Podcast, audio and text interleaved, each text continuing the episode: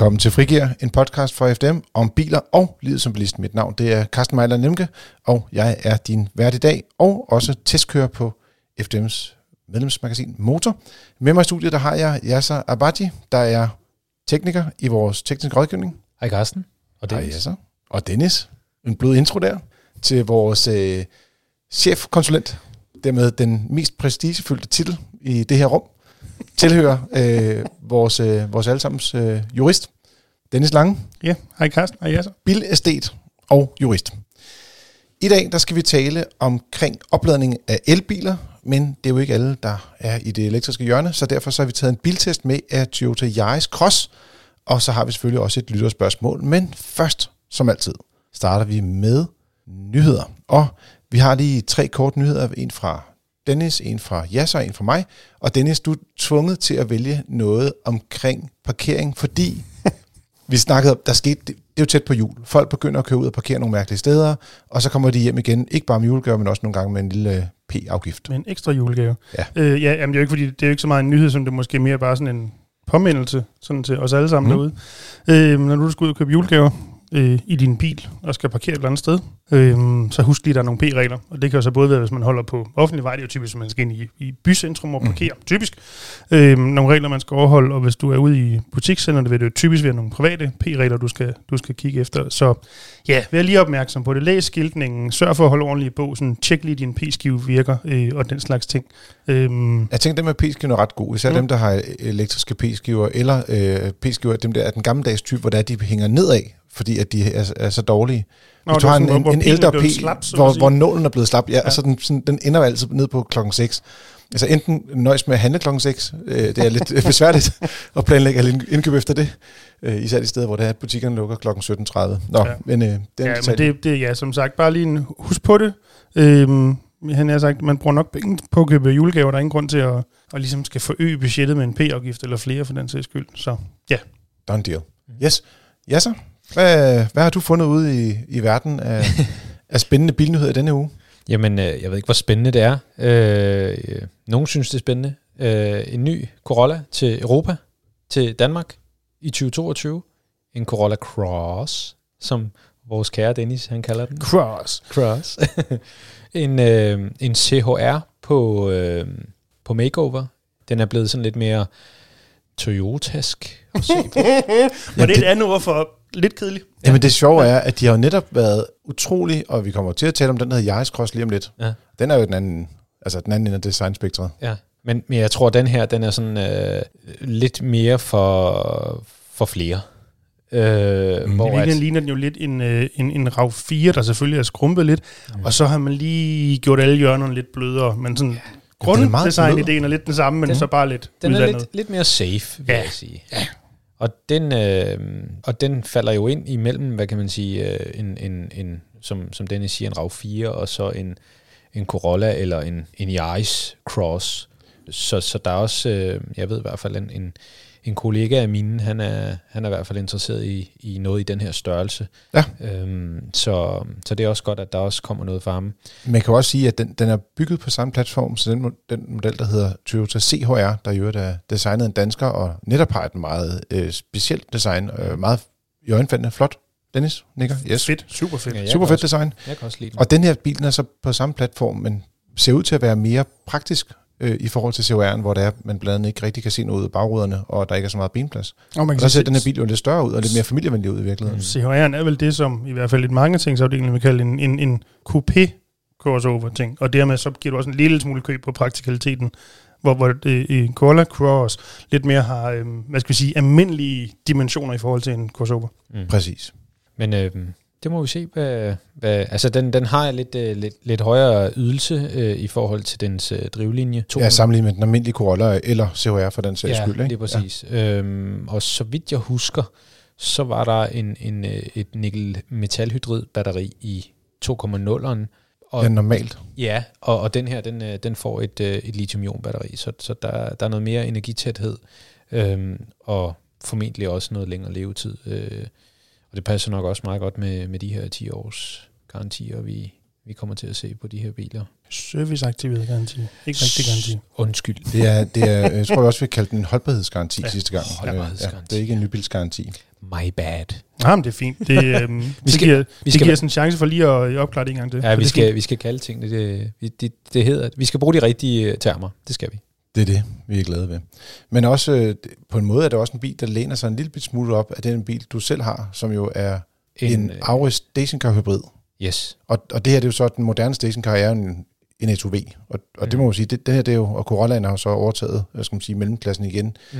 Øh, så på en eller anden måde øh, lægger den sig pænt ind der. Der findes jo også en Corolla stationcar faktisk i virkeligheden, ikke? Yes. Og så ligner det, så vidt jeg kan se på billeder, øh, og jeg har ikke kunnet læse andet, at så øh, har Corolla Cross fået den nye generation af TV, øh, Toyota Infotainment skærme, i stedet for det, som de har kørt med i den almindelige Corolla og i RAV4 osv., som ikke rigtig godt.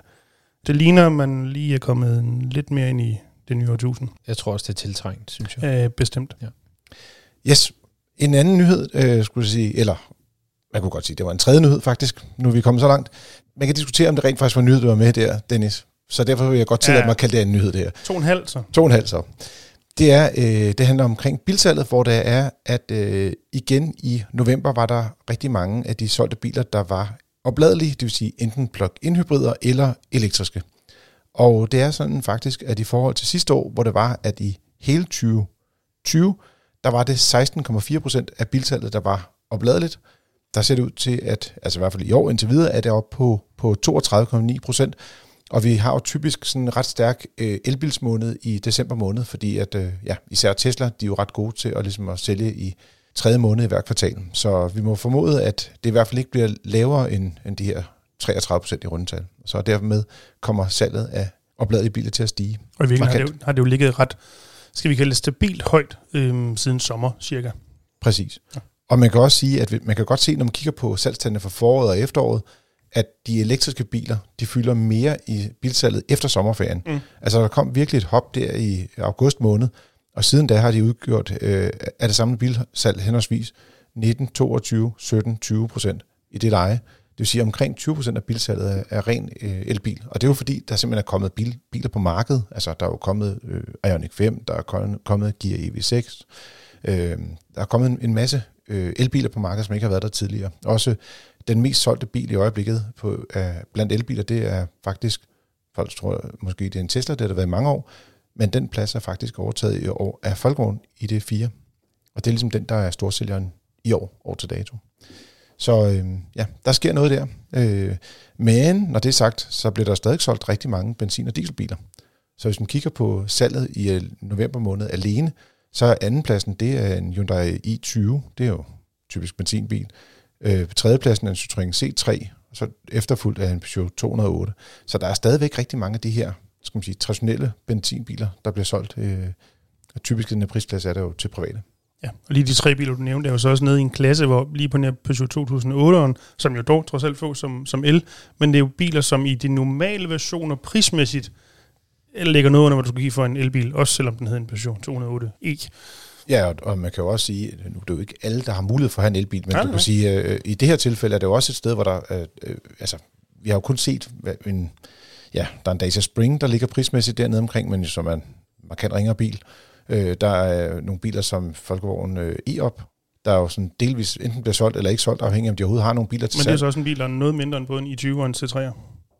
Hvert fald Ja, klassen mindre, om ikke. Ja, principielt er det nok en klasse mindre, men, men øh, jeg skal sige, pladsforholdene i kabinen er stort set på samme niveau. Ikke? Men den, kost, den kostede 160.000, øh, da den, når den er på markedet, hedder det vist nok. så, øh, men der er jo ikke rigtig så mange ellers. Yes, jamen øh, det var nyhederne for i dag.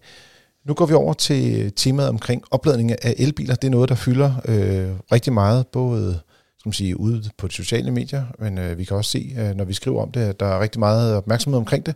Vi har tidligere talt rigtig meget omkring rækkevidde. Der kunne man jo godt lige sige, at øh, det talte vi jo også om i sidste uge. Øh, der har været nogen, der har sagt, øh, I kan ikke sammenligne bilerne, eller altså, vi har lavet sådan en liste over vores testresultater. Og det er egentlig, fordi ellers så skal folk ind og læse hver enkelt biltest, og så finde ud af, hvad opnåede vi af rækkevidde på den pågældende test. Det er jo ikke sådan, at vores test er lavet til sammenligning, som sådan. Altså, fordi at nogle biler bliver jo kørt ved 0 grader, øh, og dermed har en kort rækkevidde, og andre kører de omkring 20 grader, hvor de er, bilerne kører meget langt på en opladning. Så bare lige for at undgå den misforståelse, det har ikke været vores intention i hvert fald, at man skulle kunne sammenligne det en til en. Så er der sådan, at øh, der er i hvert fald også nogle Tesla'er, der har skrevet ind og sagt, hvordan kan det være, at øh, I har en så dårlig test af Tesla Model 3, og der er forklaringen ganske enkelt, at dengang vi testede bilen, der var det februar måned, og det var 0 grader ret præcis, da vi testede den. Det var mellem ja, lige 0 til 1 grad faktisk øh, den dag, og øh, der fik den en rækkevidde på kun 350 km. Og det er den rækkevidde, man har, når det er, at, øh, at det er koldt. Sådan er det.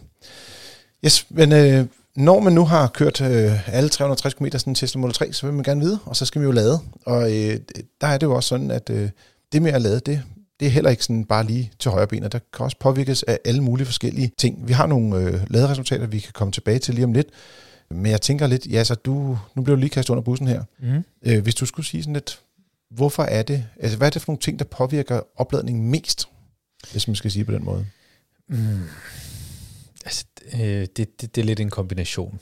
Øh, ja, men det er også, altså det er ikke, det er ikke et enkelt, øh, det er et enkelt spørgsmål, ja. til, øh, og et super kompliceret svar ja. i virkeligheden. ja, men hvis vi skal prøve at gøre det sådan lidt, en skole gøre det lidt øh, ja. for vores kære lytter. Ja, vi kan, vi kan starte med at, at, at sige, at, at til at starte med, så snakker vi om DC-ladning, bare lige sådan, så vi er Lyn, enige om. Altså lynladning, hvor der er, man lader med DC Direct Current, det betyder jævnstrøm yes. på dansk. Yes. yes. Godt. Det vil sige, at vi hælder strøm ned i batteripakken hurtigt, øh, og uden at det skal konverteres om. Så det er det, det handler om. Og når vi snakker om, om den her form for ladning, jamen så, øh, så er der øh, nogle faktorer, som gør sig gældende for, at hvornår er det her batteri glad for at få meget strøm. Mm. Og det er det her batteri, så frem det ikke har meget strøm i forvejen.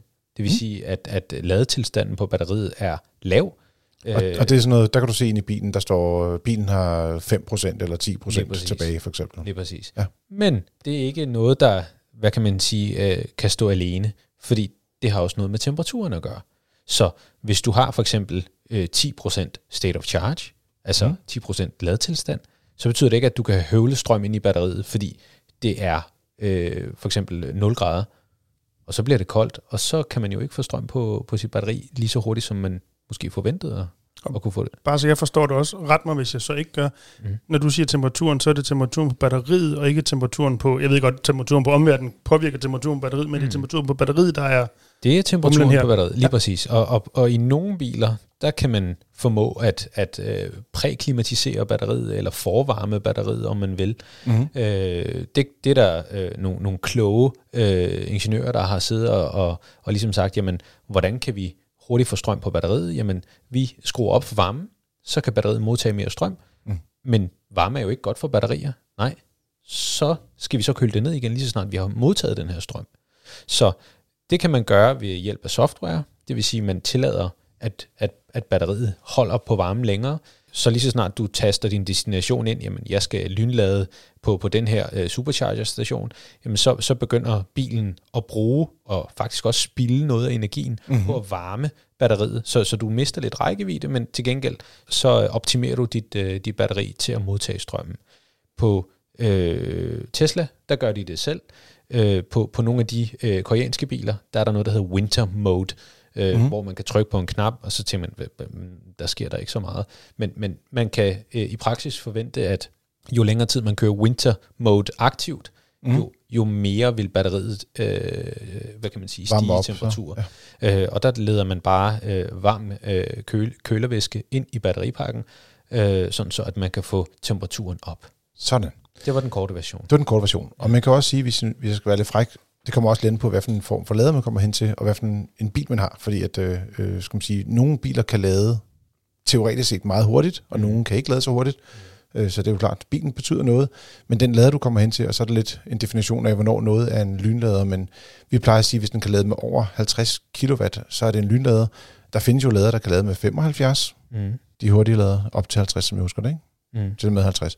Og så over det, så plejer vi at sige lynlader. Men 75 kW er jo ikke ekstremt hurtigt, når, når man, altså, det er ikke, det, der er ikke lynfornemmelse på den konto. Det var det for nogle få år siden? Det var for nogle få år siden. Så findes der en, en del lader, som kan lade med, med op til 175 kW, og det skal lige siges, det bliver meget kompliceret, fordi det er noget med, det er 400 volt, mm. og så findes der også nogen, der kan lade med det dobbelte, som så er 800 volt og 350 mm. i rundtal. Så, så det afhænger lidt af, hvad for en bil man har, og hvad for en lader man kommer hen til med den bil. Vi har øh, så målt, øh, øh, ja, i, når vi har lavet vores rækkeviddemålinger, så slut, skal vi jo slutte af med at få noget strøm, så vi kan komme videre. Og øh, det har typisk været på Ionitys øh, ladenetværk, vi har foretaget vores øh, målinger. Og jeg ved også, at ja, i jeres afdeling også har lavet nogle, nogle, også nogle tilsvarende målinger. Mm.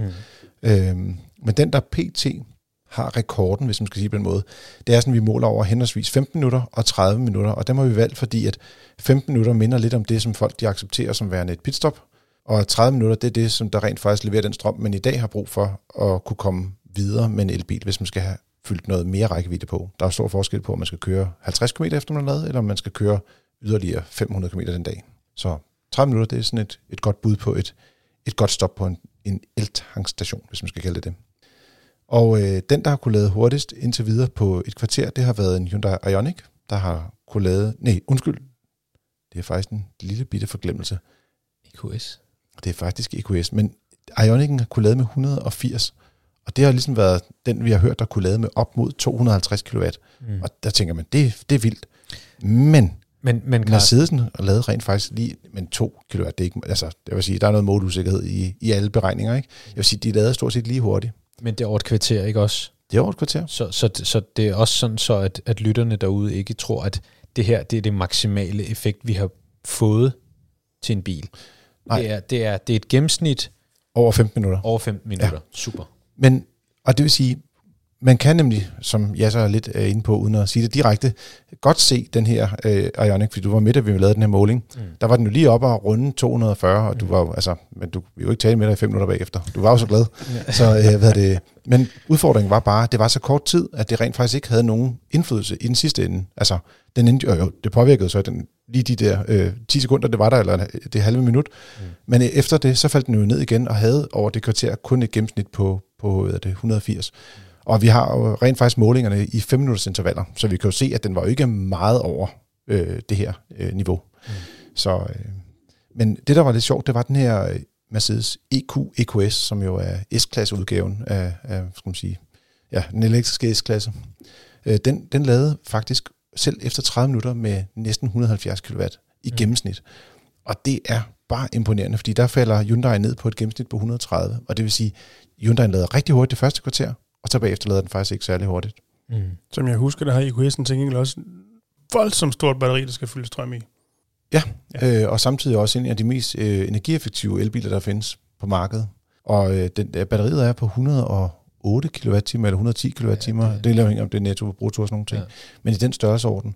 Og så det er jo et stort batteri, og det er klart, at nede i bunden kan det bare kan der bare losses mm. på, kan man sige, af, af strøm. Ikke? Mm. Men, men altså, det er jo en, en, en kombination af, hvor meget strøm kan man få på et kvarter, og omvendt, hvor, hvor effektiv er den her bil så på, på den mængde strøm, som den så får. Så, så en ting er, at man kan hælde masser af strøm. For eksempel, altså Ionic'en, øh, som var øh, ganske øh, imponerende i forhold til, hvor meget strøm den kunne tage, var omvendt ikke særlig effektiv. Men det er da i hvert fald godt, at den kan tage strøm så hurtigt. Ja, og man kan sige, der hvor den især er stærk, det er, hvis man kun skal lade kort tid, altså 5 eller 10 minutter, mm. der har den en, en særlig styrke. Øh, det skal lige siges, at hele batteriet, eller batterikapaciteten i den her Ioniq, det er på lige omkring 73 kWh. Og på den, den halve time, hvor vi lavede på Mercedesen, der fik Mercedesen 83 kWh tilføjet det sit batteri. Så det er bare lige for at sige, det betyder noget det her. Altså hvis du skal ud og køre langt, så vil du gerne være glad for at kunne lade så kraftigt så længe. Mm. Og det lidt sjove er, at den rent faktisk kun lader med 400 volt teknologi, mm. hvor man skulle tro, at den her 800 volt teknologi, der er hos Hyundai, så skulle være meget kraftigere og meget stærkere, og, og dermed også kunne lade hurtigere over lang tid. Men den kan altså ikke lige stå, den der Mercedes løsning. Den har nok også været lidt dyre, tænker jeg, at bygge. Og købe. Og så købe, ja. ja man betaler også i den sidste ende. Dobbelt op og lidt til i prisen. Ja, tre gange måske. Ja. Men jeg husker altså også at have stået med, med sådan nogle elbiler, hvor der var, de sagde, at de kan lade med op til 50 kW, og så viser det sig, at øh, batteriet har været koldt den dag, og øh, fordi at øh, udtemperaturen har været lav, og det ikke kunne forvarme, og så har de stået og lavet med sådan noget 17, 18, 20 kW, ikke? og mm. så er der altså bare langt hjem. Ikke? Ja. Og der må man sige, at de moderne biler, de kan altså virkelig, altså, de kan virkelig rykke. Ikke? Mm. Øh, hvis man øh, lader i en halv time, bare lige for at have et, øh, noget at sammenligne med, så har vi både testet Hyundai Ioniq 5 og Kia EV6 til at have stort set samme skal man sige, ladestyrke, eller kan lade med lige meget. Det er lige omkring 130 kW, de lavede med. Hvorimod, at hvis man kigger på mange af deres konkurrenter, så ligger de omkring 100. Mm. Øh, en enkelt af dem, vi har testet, det var en, en dag, hvor det også var varmt. Det var en, en øh, Audi Q4 e-tron, den lavede med 107 i snit. Men jeg vil sige, eftersom vi har lavet mange af de her biler med samme batterier og batteriteknologi, så ligger det i det leje, altså ligger om, altså mellem 100 og 105 kW over en halv time. Mm. Men det synes jeg også er ret fint. Men det viser jo også bare, at selv de biler, hvor der er, at fabrikken siger, vi lader med op til 125, som de siger fra Folkevogns side, de er jo så tættere på deres resultat, som kigger på det, i forhold til Hyundai, der siger op til 100, 250. Altså, nu er der mange tal her, ikke? Men, jo, øh, jo ja. det må man sige. Og, og man kan sige, at, at, at det er ikke nødvendigvis sådan, at din bil den fejler noget, hvis ikke du kan ramme de her tal, som vi rammer. Nej. Øh, om, og, og igen er der rigtig mange faktorer, der gør sig gældende for at kunne ramme de her peak performance på, på, på opladning af de her biler. Nogle gange så er det ladestanderen, der er problemet, og andre gange så opfylder bilen ikke de, de parametre, der, der, der skal til for, at man rammer den her peak-effekt. Ja, fordi batteriet kan rent faktisk også blive for varmt, hvilket er også uh, nogle gange årsagen til, at bilerne begynder at lade langsommere. Og der er jo ret få biler, der rent faktisk kan køle batteriet nok til at kunne varme hårdt, kan man sige, længe. Jeg, jeg tror kun, det er Audi, øh, den der hedder e-tron, den oprindelige e-tron, øh, stor SUV. Den kunne lade med cirka 150 kW øh, selv, øh, når, når den har lavet, altså fra, der gik jeg fra 0% op til øh, 90%, der var den stadig på 150 kW. Og jeg så faktisk en, øh, jeg mødte en her for, i søndags, mm. hvor jeg var ude og lave en ladetest. Det er jo søndag, ikke? Hvad skal man ellers lave? Han at køre øh, ned og kigge på Storbritannien, vinke til den, at købe en kop kaffe på Q8, og så køre tilbage til øh, til Greve og stå der en halv time og snakke med mennesker. Tænk, Men der var også, i gamle dage, der var du ude og sparke dæk eller køre stærkt eller sådan noget. Nu lader du. Jeg står en halv time og fryser, mens jeg sidder og noterer hver 15 minutter, hvor mange ja. kilowatt-timer, der kommer på batteriet. Det er rigtig fedt. Nå, men øh, ja, sådan er ens liv også øh, indrettet. Men han havde også, der var også en, der havde den der e-tron, og den var så helt nede i bunden på, på strøm, fordi han var blevet toppresset. Men øh, den lavede også selv, i, altså, hvor den var helt kold, der lavede den også med 150. Det var bare den, der lavede mest den dag, så det var virkelig imponerende. Mm. Så hvis man skal komme med en lille bitte, øh, ja, øh, det var så en, en oplevelse også for den dag, men det ved vi også, der er mange andre dage, og øh, dem, jeg har mødt der, de havde haft også samme oplevelse. Det er ikke altid, at ladetiden kun handler om, hvornår, hvor meget strøm, der kommer igennem stikket. Ladetiden kan også afhænge, afhænge af, hvor mange mennesker, der står i kø for at få lov til at komme ind til laderen. Fordi da jeg kom hen til det her sted, der var der teoretisk set omkring 10 lader, der skulle være ledige, men øh, de syv af dem virkede ikke. Og de sidste tre lader, der holdt der biler i kø herunder undertegnet. Jeg måtte også lige stå og vente kvarter, før jeg kom til. Mm. Øh, og, og det er altså stadig en udfordring i dag, øh, det her med, at der simpelthen ikke er nok øh, lynlader. Men øh, der er jo heldigvis bud på det. Der burde komme nogle flere her i 2022, men øh, det halter lidt i øjeblikket ja, i hvert fald. Og, det, og lige det rammer vi jo ind i det, som i, i lige præcis denne her uge af resten af verden, eller i hvert fald resten af samfundet også snakker om mm. herhjemme, at vi har lidt en udfordring med, at ladeinfrastrukturen ikke følger helt så meget med det voldsomme salg af opladelige biler, og det kan meget hurtigt blive et problem, hvis man ikke får løst det inden for en meget overskuelig periode. Ja, og, og man kan sige, i, i den periode, der som ligger lige for, og det kan man jo nok til at tale om øh, ja, i næste uge, tror jeg, øh, øh der er noget jul. ja. Øh, så der, vi, vi kommer lige med et par, par husregler til dem, der har elbiler, eller overvejer at køre langt med elbiler i næste uge. Lille cliffhanger skal der være. Yes, jamen øh, det var nok fra ladeverden tilbage til en øh, verden, hvor det er, man ikke behøver at lade op. Øh, vi har en biltest med Toyota Yaris Cross. Den ligger inde på FDM.dk. Det gør artiklen omkring ladehastigheden også. Hvis man tænker, hov, der er mange tal, så kan man gå ind og læse den inde på fdm.dk. Toyota Yaris Cross, baseret på den almindelige Toyota Yaris, men hævet lidt i, som man siger. Øh, den er nu en mini-SUV, Øh, det er et felt, hvor der er, der er rigtig mange konkurrenter, som især Renault Captur er kendt, Peugeot 2008 og også Volkswagen T-Cross, der er blevet solgt mange af.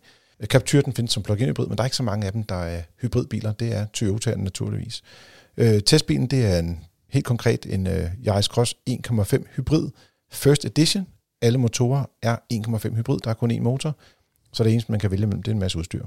Så øh, jeg tænker lidt, Yaris, øh, eller Jasser, mm. Yaris Jasser, jeg siger så. Ja. Øh, hvad er en hybrid? Kan, kan du forklare lidt omkring, hvad forskellen er på en hybrid og en benzinbil for eksempel?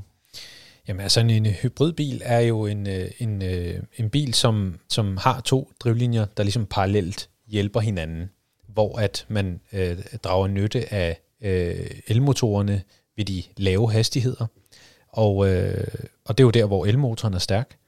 Og så når man kommer op i fart, øh, så er det jo typisk også sådan, at fordi at den her hybridbil har så lille et batteri, så har man kun hjælpen i kort tid, mm. og så tager øh, forbrændingsmotoren over. Når man så øh, skal hente strøm tilbage til batteriet, Det gør man ved, at når man bremser i bilen, så, øh, så tager man den her kinetiske energi, man har opbygget i bilen, og hælder tilbage til, til batteriet. Hvis det er, at man øh, løber tør for strøm alligevel, og man ikke altså, øh, kan bremse, jamen så starter motoren op og siger, nu skal vi generere noget strøm til batteriet. Så den lader sig selv, kan man sige, hvis man skal sige det groft. Ja, det er, det er mange øh, bilimportører begyndt at kalde selvladende hybrid, ja. selvopladende hybrid, hvilket ja. er et forfærdeligt øh, begreb. Ja. Det, man skal huske på, det er det, den så lader op med, er benzin i det her tilfælde. Lige præcis. Ja, altså man kan kun tanke benzin på en hybridbil. Yes. Og der er mange, der forveksler en hybrid med en plug-in hybrid, og forskellen ligger naturligvis i plug-in øh, ordet. Det ligger nærmest til navn, Det ligger lige der. Øh, det vi kaldte dem også tidligere opladningshybrider. Det var måske lidt mere dansk forståeligt.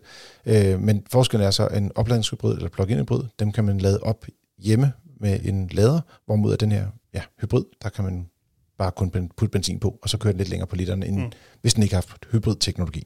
Fin bil for folk, der godt kunne tænke sig at få en lille smule elektrisk fornemmelse, men ikke rigtig har mod på at springe ud i livet som elbilist. Yeah, yeah. Hvad tænker I? I har set bilen, tænker ja, jeg. Ja, jeg har kørt i den også. Yes. Kryds i endnu en det med, vi snakker om, jeg rent faktisk har kørt i. Øhm, jeg synes faktisk, den er rigtig, rigtig fin. Øh, ikke mindst synes jeg, designet er rigtig godt. Det, det er en rap lille bil, tror jeg, det hedder. Mm-hmm. Øhm, jeg synes måske ikke... Jo, den kører fint, men motorlyden, når man kører, især når man sådan, du ved, skal accelerere ned ad en motorvejsrampe eller tilsvarende, øh, det, ja, det er faktisk... Det var faktisk næsten, som du lød. det er næsten sige det mere sådan... Det bliver, altså, det er ligesom det bliver meget utroligt sådan, dyb brummen, ikke? Ja, og sådan lidt anstrengende og mærkeligt ja. at høre på. Det, ja, men det, man kan sige, det har jo altid været et, et issue med, med især Toyotas hybrider, øh, at man har haft det her i hvert fald i mange af dem. Og ja, nogen kan leve med det, nogen kan virkelig ikke leve med det. Øh, så, men hvis vi tager det ud af ligningen bare et lille kort øjeblik, så synes jeg faktisk, det er grundlæggende en rigtig, rigtig fin bil, mm. som dog også meget hurtigt bliver meget dyr, hvis man skal have rigtig meget udstyr i den. Altså den, øh, I havde til test, som var det 330.000, den øh, ja. kostede.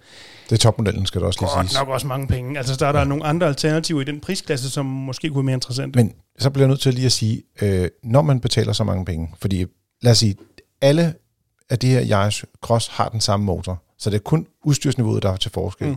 Basismodellen har faktisk ret fornuftigt sikkerhedsudstyrsniveau. Den mangler dog lige sådan nogle ting, som for eksempel sædevarme, øh, kunne nogen være interesseret i, og så synes jeg bakkamera og sådan noget Android Auto, øh, Apple CarPlay er også fedt. Men det koster 20.000 kroner for det trin. Så der går du fra en pris på 225.000 til 245.000. Mm. Men det, det er stadigvæk, altså, det er lidt i en peber kan man sige, men det koster mange konkurrenter altså også, hvis man kigger på dem. Og så den her øh, testbil, vi har haft, den koster 330, det er jo selvfølgelig altså, helt vildt mange penge, fordi du rent faktisk kan få en kæmpe elbil til samme penge, der også er veludstyret. Til sammenligning, uden i øvrigt at sammenligne i øvrigt, det er mere end jeg gav for min Honda Civic for ikke så mange år siden. Præcis.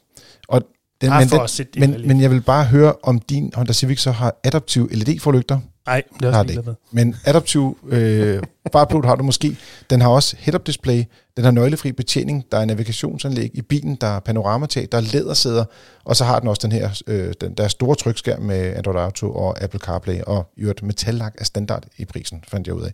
Det står desværre forkert i motor, så beklager til dem, der læser den version og tænker, huh, koster så mange penge, men det skal man dog ikke betale ekstra for. Så jeg vil sige, man får helt sindssygt meget udstyr med, men det er jo ikke sikkert, at man har brug for det hele, og så kan bare gå ind og kigge på udstyrslisten og se, hvad for en variant man så vil købe i stedet. Ja, det man dog skal være, og, og nu tager jeg lige designbrillen på godt øjeblik her, er opmærksom på, at hvis man skal have den, så den ser rigtig fed ud, så skal man have den version, der er tofarvet, altså med sort tag, og så vidt jeg umiddelbart lige kan gennemskue, uden at sådan nødvendigt har brugt flere timer på at grave mig ned i, øh, i udstyrskataloget i Toyota, så skal du op i den, der hedder Adventure, som koster 300 for at få Yes, den mulighed. Ja. ja.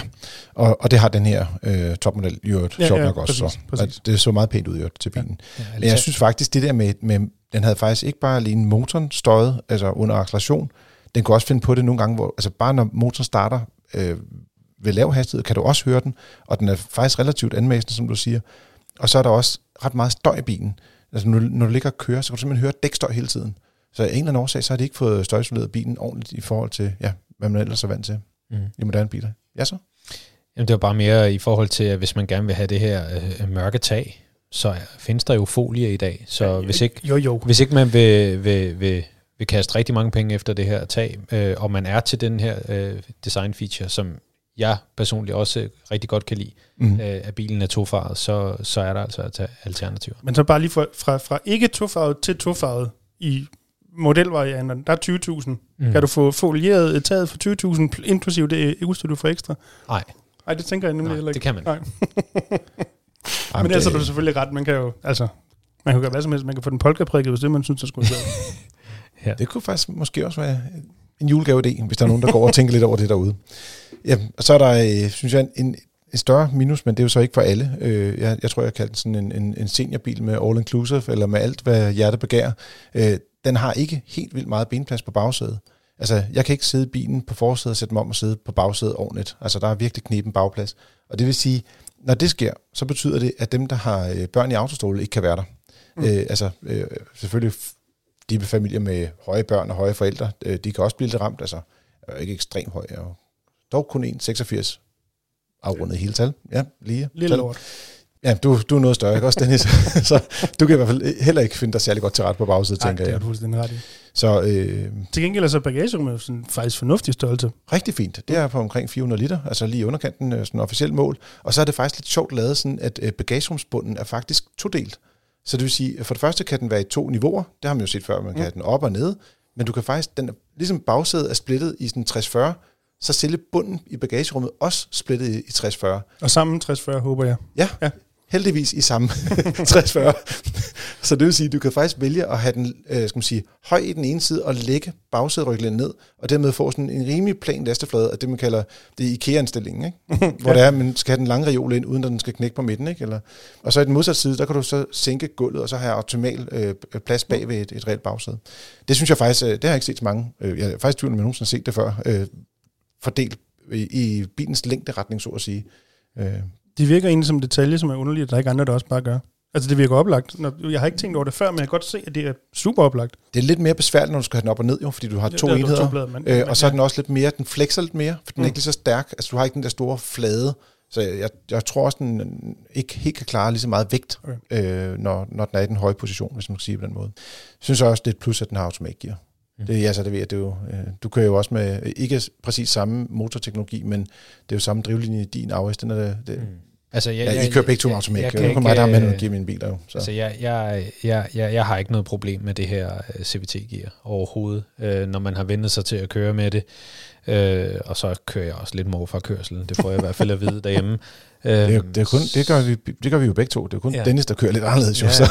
Ja, Han også- jeg, jeg kører så vildt. Det ja, rigtigt. han, han kører jo også i... Jeg tror faktisk, vi alle sammen kører morfra kørsel, men jeg synes bare, det er jo ikke fordi, man, altså selv når du kører morfra kørsel i den her Yaris Cross, så er motoren stadigvæk anmæsende. Og Okay. lidt ligesom de første øh, Yaris'er med hybrid, hvor det var, at de tog rigtig høje omdrejninger, fordi den ikke Mm. havde noget moment. Mm. Den her har masser af moment, den er bare desværre også rigtig støjende, når den Ja. gør det. Men vi har snedet os op på, øh, altså jeg stod lige og vippede, hvor skal vi være en stjernemæssigt, men jeg må sige, den har rigtig mange gode kvaliteter som bil.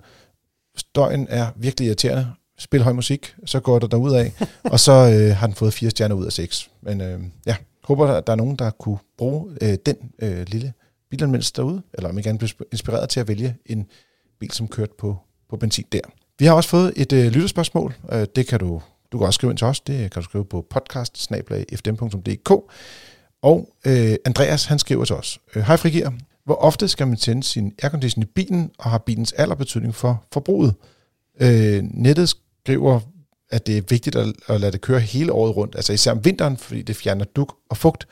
Øh, andre siger, at man skal gøre det bare et, et par gange om ugen, eller du ved, hvor, hvor ofte skal man have aircondition tændt? Og lige præcis her, Dennis, du og jeg fik ved godt noget om det, men Ja, ja. jeg er så eksperten. ja det tror jeg, vi må blive enige om. Mm. Yes. Øh, men det Andreas har, har læst på nettet, eller hvad nettet siger, det er korrekt. Nettet taler sandt i... Internettet har ret. Ja, For en internet- gangs skyld. Internettet har ret. øhm, altså man kan sige, at, at ældre biler har en anden type kompressor.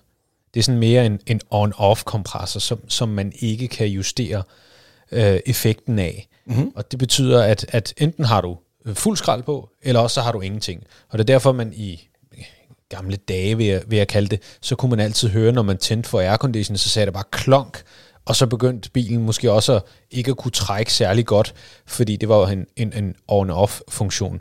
I dag, eller i mere moderne biler, så fordi at man skal øh, passe på miljøet, så opfandt man øh, nogle, nogle kompressorer til bilerne, som kan skrue ned for effekten. Og det vil sige, alt efter hvad, hvad, hvad behovet er i kabinen, så kan man skrue op eller ned for, for køleeffekten.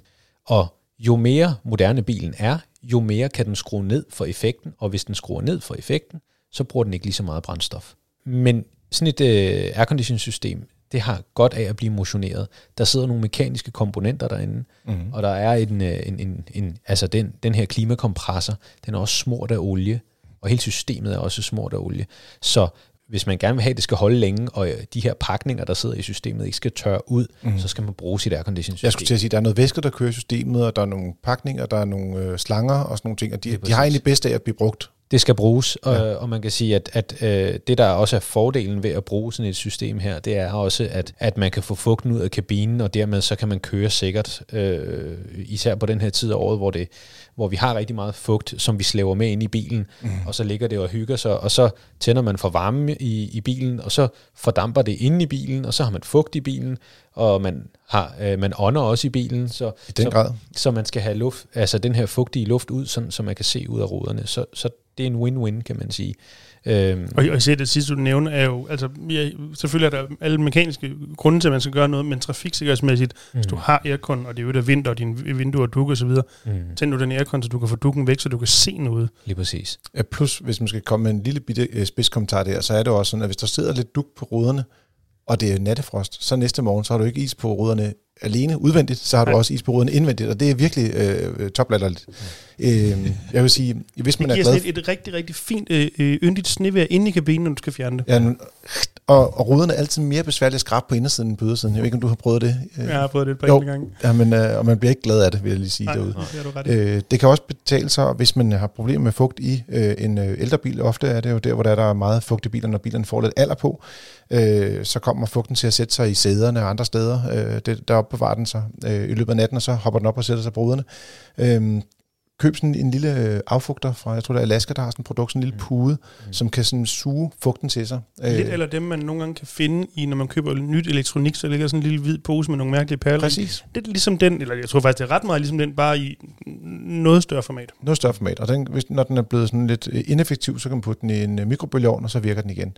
Ja. det kan afhjælpe lidt på det, men jeg vil sige, i forhold til selve AC'en, der, eller aircondition-systemet, så er det bare at bruge det. Ja. Det er det, jeg hører. Og så kan man så sige, jamen, øh, hvis, hvis aircondition-systemet også skal fungere, så skal man også huske at servicere det.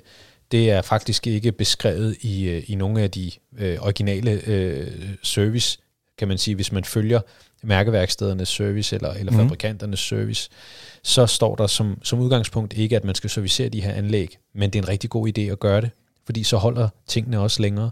Og så kan man så sige, med de her øh, moderne øh, elbiler, som har behov for rigtig meget kølemiddel, og som også bruger kølemidlet til at, at, at, at bringe temperaturen ned i batteripakken, mm. så er det rigtig øh, vigtigt, at man servicerer dem også.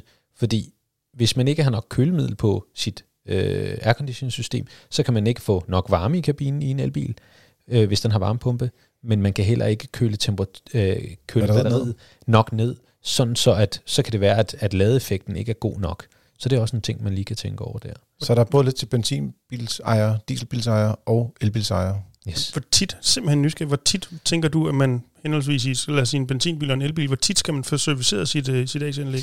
Altså typisk siger vi en gang hver andet år. Okay. Og så er det altid, hvis man skal på øh, bilferie øh, sydpå, ret godt at gøre det, før man tager afsted. Mm. Der er nogen, der kommer afsted, og så har de lidt for lidt væske på systemet, mm. og så kan bilen ikke køle, og det er typisk den dag, hvor det er, at øh, hele trafikken bryder sammen på det tyske motorvejsnet, og man sidder i kø i tre timer, mm. og der er 50 grader i kabinen. Så ja, det er tingene hænger sammen jo. Yes. Selvfølgelig. Du lytter til Frigir. Det er din podcast om biler og livet som bilist. Husk, du godt må give os en anmeldelse i din podcast-app. Smæk nogle stjerner vores vej. Anbefale os til en ven. Endnu bedre. Og så er der ikke andet at sige uh, tusind tak, Dennis, for at fortælle lidt omkring, hvordan man undgår at få endnu en julegave af, uh, skal man sige, uh, jeg ved ikke, skal man kalde det, parkeringsnissemanden. Det var slet, det var min julegave til dig. Tak. Og tak, ja, så for lige at belære mig lidt omkring uh, AC og nye og gamle systemer. Yes, velkommen. Og alt det andet, som du beriger os med. Og til dig, lytter, der er ikke andet at sige tak, fordi du lyttede med, og god tur derude.